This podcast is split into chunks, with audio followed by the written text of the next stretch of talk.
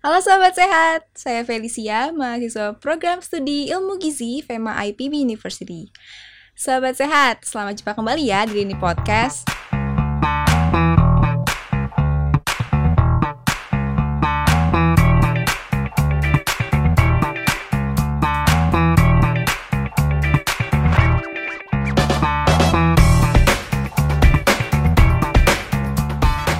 Kali ini podcast tampil dengan info-info terkini dan berbasis bukti yang merespon kebutuhan gaya hidup sehat remaja dan dewasa, serta melawan hoax agar kamu tidak salah pilih dan tidak ikut-ikutan nih cara hidup sehat yang kurang tepat. Nah, sahabat sehat, akhir-akhir ini kita semakin sering ya mendengar dan membaca di berbagai media sosial tentang istilah plant-based diet. Diet seperti apa sih itu dan apakah gizi seimbang yang biasa kita dengar juga plant-based diet?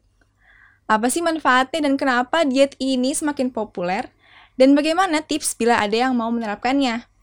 Nah, bersama kita saat ini hadir narasumber yang tak asing lagi yaitu Profesor Dr. Hardin CMS, Guru Besar Ilmu Gizi FEMA IPB University, Ketua Umum Asosiasi Institusi Pendidikan Tinggi Gizi Indonesia yang juga Ketua Umum Perhimpunan Pakar Gizi dan Pangan atau Pergizi Pangan Indonesia. Nah, baik. Apa kabar Prof hari ini? Baik, Vel. Vel gimana? Pasti sangat luar biasa. Apalagi hari ini mau membahas topik yang sangat menarik nih, Prof. Iya. Nah, akhir-akhir ini Prof lagi sibuk apa? Kelihatannya banyak mengisi seminar-seminar nih, Prof. Ngintipnya di mana tuh? Di mana-mana pasti ada nih. Iya ada aja sih ya. Eh, namanya dosen ya harus ada ini ya kegiatan pengajaran, membimbing, menguji, menginspirasi. Hmm. Ya kadang-kadang juga eh, apa diskusi dan sisa waktu itu kadang-kadang diajak orang lah gitu ya. Ada yang ngundang sana, ngundang sini, termasuk salah satunya webinar gitu ya. Iya. Oke, baik. Jadi tuh akhir-akhir ini nih kita sempat eh, banyak baca dan dengar juga ada istilah namanya plant-based diet. Nah, sebenarnya apa sih itu Prof plant-based diet? Iya, eh, plant itu kan artinya eh, tanaman ya Tuhan, ya. atau tumbuhan. Hmm. Kemudian eh, base diet, jadi diet yang didasarkan eh, mayoritas jenis makanannya adalah dari eh, tanaman atau tumbuhan. Atau bahasa lain sering kali juga nabati ya. Seringkali kan dipertentangkan ada nabati, ada hewani ya. Hewani yang biasanya yang bisa bergerak gitu ya. Mm-mm. Jadi eh, kalau didefinisikan sederhananya yaitu pengaturan makanan minuman di mana pangan nabatinya itu lebih dominan, lebih banyak gitu. Nah, apa itu Prof pangan nabati? Mungkin sahabat sehat di rumah Oh, ada yang iya, kurang Pangan paham. nih. nabati ya. Hmm. Jadi yang dia berasal dari tanaman kalau kita di Indonesia nih ya, yang sering kita makan sebagai makanan pokok biasanya nasi ya. Berasal dari beras, berasal dari padi. Kadang-kadang umbi-umbian juga ada jagung, singkong. Hmm, jadi nggak hanya jalan. sayuran ya Prof ya? Oh, Nah. enggak. ya. Nah, memang kadang-kadang orang menerjemahkannya itu salad gitu ya, tapi tidak Hmm. harus eh, salad. Yang penting dia kan dari tanaman tadi ya. Udah sampai umbi-umbian, ada jagung juga. Bahkan kalau di Indonesia juga banyak produk-produk turunan terigu juga, itu kan juga nabati. Kemudian ada kelompok kacang-kacangan. Mau kedelai dan turunannya tahu tempe, apakah kacang hijau, kacang merah. Banyak jenis kacang-kacang Indonesia ya. Kalau kita ke pasar tuh warna-warni ya. Iya. Mulai dari yang putih, kuning, merah, hijau, hitam bahkan. Aneka kacang-kacangan itu juga masuk nabati. Kemudian baru sayur. Wah, sayur luar biasa banyaknya. Dan warna-warni lagi. Hmm. Kemudian buah. Bahkan herbal. Hmm. Bumbu-bumbuan juga kan. Oke, segala sesuatu yang dari tanaman gitu ya, pokoknya. Da- Nah, kalau gitu kalau kalau misalnya nggak nggak cuma sayuran nih, Hmm. apa aja sih jenis-jenisnya nih Prof plant-based diet? Ya, jadi dia dominan. Karena itu masih dibolehkan ada komponen dari hewani ya. Oh, boleh. Jadi dari eh, ikan, dari produk ternak ini ada ayam, ada telur, dari ternak juga ada daging, ada susu, ya. Kemudian kalau kita bicara perikanan dalam arti luas tidak hanya ikan, ada seafood, kerang, dan Cumi, sebagainya. udang. Ya, cumi, udang bagian dari Banyak ya Prof ternyata. Ya, banyak sekali bisa dikelompokkan dari arti perkembangannya ya. Ada ya kalau kita lihat dari kelompok uh, masyarakat di bagian Asia Selatan uh, Utara ya kayak India, Nepal uh, sangat dikenal di sana namanya vegetarian ya. Hmm. Jadi diet di mana uh, pangan nabatinya tadi dominan dan hewaninya hanya dibatasi. Dibatasi kalau ada kalau di India kan itu memang sangat mencintai, menyukai susu ya. Ini berkait juga dengan nilai kepercayaan di sana kan ya. Bahwa sesuatu yang keluar dari sapi namanya cairan susu tadi itu karena sapi tadi kan sesuatu yang sangat di dianggap uh, apa? diagungkan lah ya, dianggap suci. Ya. Jadi uh, lacto vegetarian. Jadi dia makan makanan tanam dari tanaman tumbuhan tadi tapi minum susu gitu ya. Nah, di daerah tertentu ya memang juga banyak ternak ya. Ternak itu bisa ternak puyuh, ada telurnya, ayam juga ada telurnya, hmm. sehingga itu disebut sebagai uh, ovo vegetarian. Hmm. Jadi dia dominan uh, pangan abadi, tapi ada hewaninya berupa telur ya. Kalau mereka lebih pada daerah pantai ada telur penyu juga ya, ada telur bebek ya. Tapi umumnya kalau di pasar Indonesia telur ayam, tapi ada telur bebek, ada telur penyu, ada telur puyuh. Hmm, jadi nggak apa ya judulnya plant based diet tapi nggak semua yang dimakan itu berdasarkan tumbuh-tumbuhan hmm, gitu ya Enggak, enggak semua. Bahwa hmm. ada yang ekstrim ya. Hmm, seperti uh, vegan ya. Iya, seperti vegan itu yang plant based diet yang ekstrim. Bahkan uh, diet itu tumbuh dari dari kebiasaan masyarakat interaksi sama lingkungannya itu selain vegetarian bisa kita kenal lagi ada namanya pesto uh, rian ya pesto itu dari fish ya bahasa hmm. latinnya pesto kalau kita ingat cerita orang-orang Eskimo ya hmm. uh, mereka kan nggak nggak ada uh, bisa dikatakan minim sekali sayur kalaupun ada itu berupa rumput laut yang yeah. di daerah dingin sana. Umumnya mereka makan ikan atau sekali-sekali berburu dari singa laut ya, tapi umumnya ikan. Karena itu mereka kan terkenal darahnya encer ya. Hmm. Orang iya. Eskimo ini. Hmm. Informasi baru tuh, Prof. Ya, kalau orang banyak makan ikan itu uh, darahnya lebih encer. Artinya kalau dia luka itu lambat terjadi pembekuannya dan Wah. artinya jauh sangat tercegah dia dari jantung koroner. Jadi salah satu hmm uh, jantung koroner atau uh, stroke itu kan salah satunya karena terjadi pengantalan darah ya. Kemudian satu lagi penyumbatan akhirnya kan. Kalau mereka encer jadi sangat-sangat jadi saya kira itu udah hampir 60 tahun yang lalu ya. Ada peneliti dari Amerika datang, kenapa ya kok nggak ada gangguan kayak stroke, ischemic heart disease, coronary heart disease pada orang-orang Eskimo. Kemudian dipelajari makanannya gitu. Kan. Terus bahkan ada penelitian yang dilakukan secara eksperimental. Wah banyak ya ternyata Prof. Uh, ada lagi nggak sih plant-based diet jenis-jenis itu Prof? Ada banyak ya, hmm. mungkin ada puluhan ya, tapi yang sangat yang relatif populer aja ya. Uh, misalnya vegetarian. Kemudian ada yang dia makan dominan ikan, ya. Uh, pescetarian. Jadi artinya dia uh, dominan tetap nabati tapi dengan ikan gitu ya, pescetarian. Kemudian ada uh, dominannya buah-buahan, frutarian disebutnya. Hmm. Kemudian ada juga uh, istilahnya balance diet ya. Kalau di kita gizi seimbang, tapi balance diet itu sebenarnya secara internasional memang ada ya. Jadi dia tetap dominannya adalah uh, pangan nabati tapi ada uh, hewaninya. Kemudian uh, setelah plant based diet itu sebenarnya ada, ada suatu jenis plant based diet yang ditambah kata wool.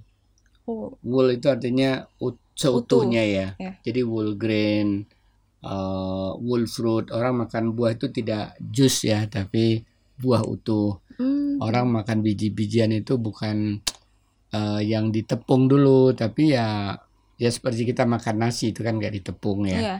ketika makan uh, apalagi jagung selagi dia tadi nggak ditepung makan jagung rebus itu kan uh, wool ya wool grain biji-bijian utuh hmm. begitu juga kalau makan kacang-kacangan jadi dalam konsep uh, plant based diet yang uh, wool uh, plant based diet itu sebagian besar diarahkan pada minimal pengolahan.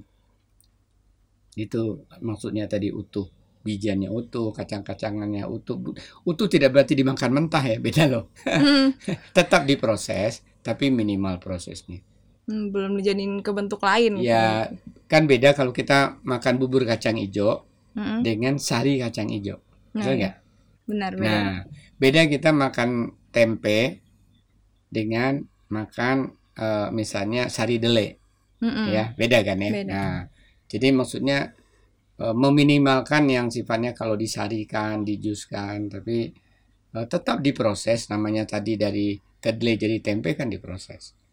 Namanya tadi buah-buahan dipotong-potong kemudian dikasih bumbu rujak misalnya makan rujak ya itu kan di, diproses tapi minimal diproses bukan tadi di misalnya diambil sarinya doang gitu sehingga banyak eh, bagian yang penting terbuang. Serat phytochemical atau yang juga di, di, di- sering disebut komponen fungsional selain gizi gitu ya.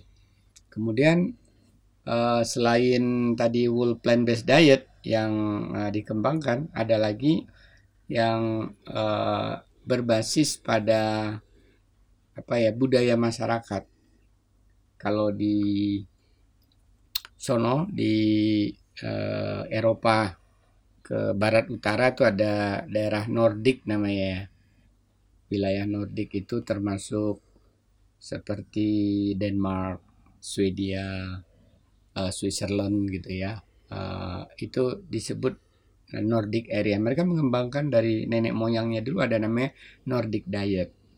Oh, apa itu Prof Nordic diet? Ya, jadi nah, diet yang dikembangkan oleh eh, masyarakat di daerah eh, Nordik termasuk Norwegia, Denmark, eh, Swedia eh, sesuai dengan kondisi eh, lingkungan yang ada produksinya. Mereka sana banyak makan eh, buah-buahan itu berupa beri-berian Hmm. bukan beri-beri ya. kan ada itu yang namanya eh, kan beri itu ada banyak ya, ada yang merah, ada yang ungu, purple, strawberry merah gitu ya. Kalau di kita terkenalnya strawberry ya. Tapi di sana banyak sekali jenis eh, berry. Ya, Hmm. saya sebut beri-berian tadi ya. Hmm. Kemudian juga eh, sumber ikan mereka baik dari laut maupun dari danau di sana juga eh, sumber eh, ikan. Kemudian berbagai eh, jenis dari umbi-umbian yang kalau wortel kan sebenarnya umbi ya, yang di Iya. sayur ya. Ada beet, Oh, beet. ya beet Hmm. itu eh, ada yang purple ya, eh, ada yang merah, Hmm. purple tuh ungu ya. Jadi kemudian beberapa jenis bawang-bawangan juga, tomat. Jadi basis plannya beda di kita ya. Kita plannya daun singkong, daun apa? Bayam, kangkung, bayam. Nah, kalau di sana beda. Jadi, tapi prinsipnya, jadi eh, dari tanaman tumbuhan itu banyak, tapi mereka dengan ikan, kemudian juga susu, tapi minimal sekali daging, paling daging sekali seminggu mereka makan. Itulah aslinya Nordic diet tadi. Mirip dengan Mediterranean, tapi bedanya adalah penggunaan minyaknya. Hmm. Iya. Jadi kalau di eh, Nordic itu namanya kalon canola oil, Oh. minyak canola. Karena memang tumbuh di sana eh, tanaman canola Hmm. yang dia kalau berbunga kuning gitu ya. Itu menghasilkan bijinya menghasilkan eh, minyak. Tapi kalau di Medi- Mediterranean itu minyaknya kan eh, olive oil, Hmm. eh, minyak zaitun. Iya. Jadi memang nenek moyang di suatu wilayah itu mengembangkan ya eh, pola pengaturan makan minum jenisnya itu sesuai dengan kondisi lingkungan ekologi yang mendukung gitu ya. Sama kalau orang Amerika mengklaim eh, apa yang kita makan di Asia tahun 80-an itu dibilangnya sampai ada namanya Asian Heritage Diet. Itu juga plant based. Asia Oh, maksudnya, iya. Asian Heritage Diet. Itu orang Amerika itu ceritanya ya, dia belajar puluhan tahun di Asia. Oh, ternyata kan mereka kalau di Amerika nggak makan nasi kan. Sekarang ada mulai yang makan nasi, tapi intinya Iya, kan mereka jarang makan sekali ya. makan apa roti, kemudian kentang. kentang. Tapi begitu dia lihat Asia, wah beda gitu ya. Kemudian di Di Asia juga banyak daerah kepulauan kan ya, pantai yang juga banyak makan ikan seafood, termasuk di Tiongkok, di uh, Thailand ke selatannya, ke Malaysia. Itu uh, melahirkan yang memberi label tuh orang Amerika justru. The uh, Asian, Heritage. Diet gitu. Nah sama, jadi prinsipnya itu jenis pangan itu ada yang nabati, ada hewani, tapi namanya tergantung tumbuhnya sama dengan minyak tadi. Namanya akan tergantung tanaman apa mereka peroleh. Jadi sebagai sumbernya itu berbeda. Hmm, banyak banget ya Prof ternyata ya jenis-jenis plant based Iya, diet ini. Belum lagi ada yang modern kan, yang harusnya kita pernah bahas namanya flexitarian kan. Oh, iya, benar vegetarian dan Ya, yang fleksibel antara eh, vegan Sayur. dan ya vegan dan eh, vegetarian dan hewaninya. Mm-mm, benar. Ya. Dan mungkin sahabat sehat di rumah ada yang lupa apa sih vegetarian dan vegan ya suka ketukar-tukar mungkin dibahas sedikit Prof. Sisanya Oke. boleh diintip di episode Boleh, sebelumnya ya. Ya, jadi eh, vegetarian pada prinsipnya kan itu lagi-lagi nabati yang dari tanaman, kemudian atau tumbuhan. Beda ya tanaman sama tumbuhan. Tahu nggak bedanya? Apa tuh Prof? Biasanya kita anggap sama nih tanaman Ya, sama tumbuhan cuma beda. Tanaman itu diksi. biasanya dari dari sesuatu yang ditanam, yang dirawat, dibudidayakan. Hmm. Kalau tumbuhan itu Lebih bisa liar ya? tanaman, bisa yang liar. Hmm. Jadi beberapa daerah kan orang hanya tinggal metik dari pinggir hutan ya. Iya. Ketika pertanian berburu mengumpulkan toh. Hmm. Nah, itu berarti dari dari tumbuhan ya. Tapi itu bahasa sekarang bisa tertukar balik sama aja lah. Pokoknya itu bukan dari hewan gitu ya. Nah, jadi ketika bicara vegetarian ada versi-versinya nih. Ada vegetarian yang dia sertai dengan susu seperti rekan-rekan kita di India. Ya, ada vegetarian yang susu ditambah telur, ya ada yang vegetariannya hanya telur saja yang disebut ovo vegetarian kalau dengan susu lacto vegetarian kalau susu dan telur disebutnya lacto ovo Lacto-ovo. vegetarian gitu ya kemudian eh, ada lagi vegetarian di mana vegetariannya itu dengan ikan Hmm. ya ada lagi eh, dia tidak ngandelin eh, semua jenis tanaman tapi dominan buah-buahan Hmm. Nah, itu disebut frutarian. Fruit dari kata fruit ya, frutarian. Frutarian. Boleh dijelaskan tuh Prof. Apa sih frutarian lebih komplitnya nih Prof? Ya, jadi suatu pengaturan makanan atau diet yang dia dominan pangan nabati. Dari pangan nabati tadi paling banyak adalah buah. Tapi lagi-lagi cara mereka makan buah ini sangat uh, menghargai sekali secara buah-buah yang tersedia secara alami ya. Artinya minimali proses, tidak untuk diambil sarinya begitu. Oke Prof. Untuk balance diet nih Prof. Mm-mm. Ini kan ada pangan hewa- hewani ya pastinya aneka pangan hewani dalam balance diet. Nah bo- boleh mohon dijelaskan nggak Prof? Up Ya. balance tentang balance diet tuh. Ya, jadi eh, konsepnya sebenarnya juga dari Amerika ya. Kita me- ketika Amerika mulai eh, resah eh, dengan dengan diet-diet mereka di mana eh, sekitar setengah abad yang lalu mereka merasa kok masalah gizinya meningkat, masalah penyakit eh, tidak menular, eh, jantung koroner, diabetes, kanker meningkat. Ada sesuatu yang salah menurut mereka dari diet mereka di mana kurang serat, eh, tinggi garam, tinggi gula, tinggi lemak. Kemudian mereka coba mengatur melalui eh, piramida makanan yang mereka sebut eh, ada dulu the basic four, kemudian balance diet. Kemudian Indonesia mulai tahun berapa ya? 90 90-an ya mengadop istilah itu melalui WHO sebenarnya karena WHO mengakui pentingnya makan aneka ragam secara seimbang. Hmm. Nah, di situlah eh, Indonesia juga mengadop istilah gizi seimbang yang di mana dominasi pangan nabatinya tetap besar tinggi. Jadi misalnya kalau kita makan satu piring nih ya, atau itu yang disebut isi piringku mungkin ingat ya Vel ya. Iya. Nah itu kan separuhnya itu eh, sayur buah, ya. itu kan- Separuhnya lagi makanan pokok dan lauk pauk. Nah yang separuh aja itu udah jelas nabati kan, sayur buah. Iya. Yang separuh lagi itu ada lagi tiga perempatnya makanan pokok kan. Iya. Itu kan nabati juga. Oh, iya. Oh, jadi kan kalau dipikir-pikir hanya seperempat kan hewan ini, berarti kan dominan. Berarti kan betul dominan dominan nabati balance diet tadi. Hmm, berarti gizi seimbang ini termasuk dengan eh, sama kayak plant based diet atau termasuk plant based diet malah ya? Iya termasuk plant based diet, tapi bukan yang ekstrim gitu, Hmm, ya kan? Karena yang ekstrim itu ya vegan tadi sama sekali tidak mengonsumsi pangan hewani. nah tadi tuh ada whole food plant based diet, Prof. Boleh dijelaskan sedikit ya, Prof? Nah itu kan eh, kata whole itu artinya utuh. Jadi kalau makan sumber pangan pokok, biji-bijian itu whole grain, bijian yang utuh. Hmm. Artinya minimali proses ya masih. Kalau di dalam biji itu kan ada eh, apa namanya itu lembaga ya, cikal bakal untuk tumbuh atau di dalam proses itu akhirnya menjadi eh, menir ya. Apa menir itu bahasa lainnya? Apa tuh ya? Eh, Eh, tunas eh eh, Ya, itu kan sering kali diberikan ke ayam ya.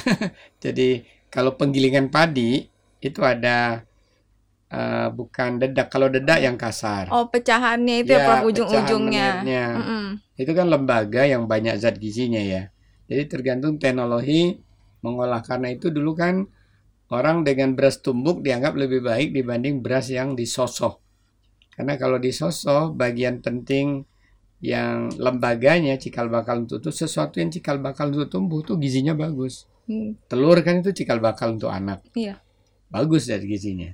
Jadi sama juga eh, di tanaman di bijinya tadi ada namanya eh, lembaga yang itu banyak zat gizinya. Jadi eh, dia mempertahankan itu. Begitu juga wool grain, eh, wool dalam arti kacang-kacangan. Jadi kacangan itu kalau dikonsumsi utuh bukan ditepung gitu. Kalau makan kacang hijau ya udah bubur kacang hijau lah, jangan sari kacang hijau. hmm, gitu. Kalau makan buah, ya makan buah potong atau rujak atau salad, jangan sari buah gitu. Karena kalau dia ada bentuk sari, ada bagian-bagian yang hilang gitu. Hmm. Eh, ada ahli yang membahas nggak, Prof, terkait diet ini? Oh iya, whole grain ini eh, bukan whole grain, whole plant-based diet ya. Hmm, Yang plant-based diet didasarkan pada bijian utuh, eh, buah yang utuh, kemudian kacang-kacangan utuh. Ini namanya profesor, dia seorang medical doctor ya, yang juga mendalami eh, biokimia gizi. Namanya eh, Thomas eh, Campbell, C C A ya, M P. B ya P B E L bel bel lonceng ya Ya. Campbell. Nah beliau ini dapat kerjasama dengan apa ya eh, ada namanya Food eh, Hygiene Safety di eh, and Health di China di Tiongkok. Pada tahun 80-an kerjasama ini melibatkan puluhan pakar Amerika dan Oxford University, Cornell University dengan eh, eh, Tiongkok. Dia dapat kegiatan 20 tahun mengikuti penelitian 6.500 subjek di China selama 20 tahun. Nah, dari situ eh, dia menemukan bahwa banyak keunggulan sebenarnya di Asia, termasuk China. Dia juga keliling ke Asia ya. Dia lihat tadi lahirnya The Asian Heritage Diet dari dari Campbell dan juga dia akhirnya mengembangkan setelah dia pulang penelitian 20 tahun yang diekspos bahwa ternyata plant-based diet itu bagus, lebih bagus lagi kalau makannya tadi minimal pengolahan gitu. Dan eh, akhirnya dia menganut eh, sampai eh, beliau usia berapa? Udah kayaknya sekarang udah usia 80 tahun ya. Dulu pernah dua kali ketemu ya di, Wow. di Udah beberapa pertemuan internasional ya. Pernah Wow. di di Beijing ada Asian Congress of Nutrition, pernah di Ontario di Kanada. Jadi eh, dia memang di Amerika dia buat pelatihan-pelatihan bagaimana menerapkan plant-based diet. Wow. Meskipun dia udah pensiun ya. Wah, luar biasa sekali ya, Prof. Campbell namanya. Prof. Campbell. Iya, benar sekali deh. Dan bisa dijelaskan nggak, Prof, maksudnya tadi tuh kan sempat dibahas tentang Nord Nordic ya, Prof. Iya. Nordic diet ya, gitu. Itu kan em, dipengaruhi oleh ekologi atau lingkungan ya. Mm-mm. Apa sih, Prof, pentingnya ekologi? Ya, dalam diet itu? ekologi itu kan eh, lingkungan ya, eh, lingkungan dan eh, komponen-komponennya eh, yang di mana manusia itu kan dalam hidupnya sangat tergantung pada lingkungannya. Apa yang kita makan sebenarnya berasal dari lingkungan kita. Jadi diet yang terbentuk dalam perjalanan sejarah manusia itu sebenarnya karena faktor lingkungan, ekologi yang berinteraksi dengan perilaku manusia. Ketika manusia mulai eh, mengembangkan inovasinya, maka lahirlah iptek ya. Jadi eh, itu juga karena ulah manusia iptek berkembangan ya. Jadi interaksi dari eh, apa yang tersedia oleh lingkungan, apa yang bisa di diolah, bisa ditanam, bisa diperjualbelikan, kemudian mempengaruhi eh, makanan manusia akhirnya mikir kalau baik dia teruskan, kalau nggak baik mungkin dia stop atau taunya nanti belakangan ya nggak baiknya kan begitu. Jadi eh, pengaturan makanan itu kadang-kadang bisa kita lihat per wilayah. Makanya ada tadi the Asian Heritage Diet. Melihat di kawasan Asia ada keunikannya dengan dominan beras. Tapi juga makan ada ikan, ada sayur, ada buah. Bahkan uniknya lagi sambal biasanya ya. Hmm. Ya kalau di di keunikan di Asia ini eh, ada ada sambal. Sambalnya nggak plain gitu. Kalau di barat kan sambal itu ya cili pakai garam atau cili pakai apa sedikit diasemin gitu ya. Hmm. Kalau di kita ada terasi ya, ada Hmm. ditambah bawang, Sangat ditambah beragam ya sambal-sambal di Indonesia tuh. ada ratusan sambal makan, ada restoran apa? Sambal apa? Ada ada khusus sambal. Iya, ada restoran khusus. Malah jadi bisnis sekarang sambal ya, Prof. Betul.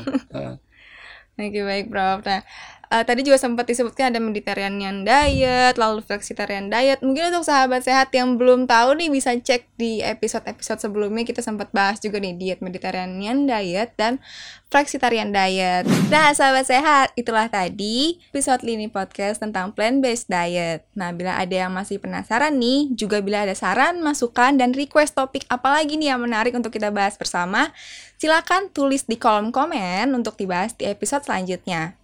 Nah, ikuti terus juga Lini Podcast di YouTube dan Spotify Lini Sehat. Dan juga jangan lupa like, share, subscribe, dan klik tanda lonceng di bawah ini agar sahabat sehat menjadi orang pertama yang tahu berbagai video hidup sehat terbaru dari kami. Sampai jumpa!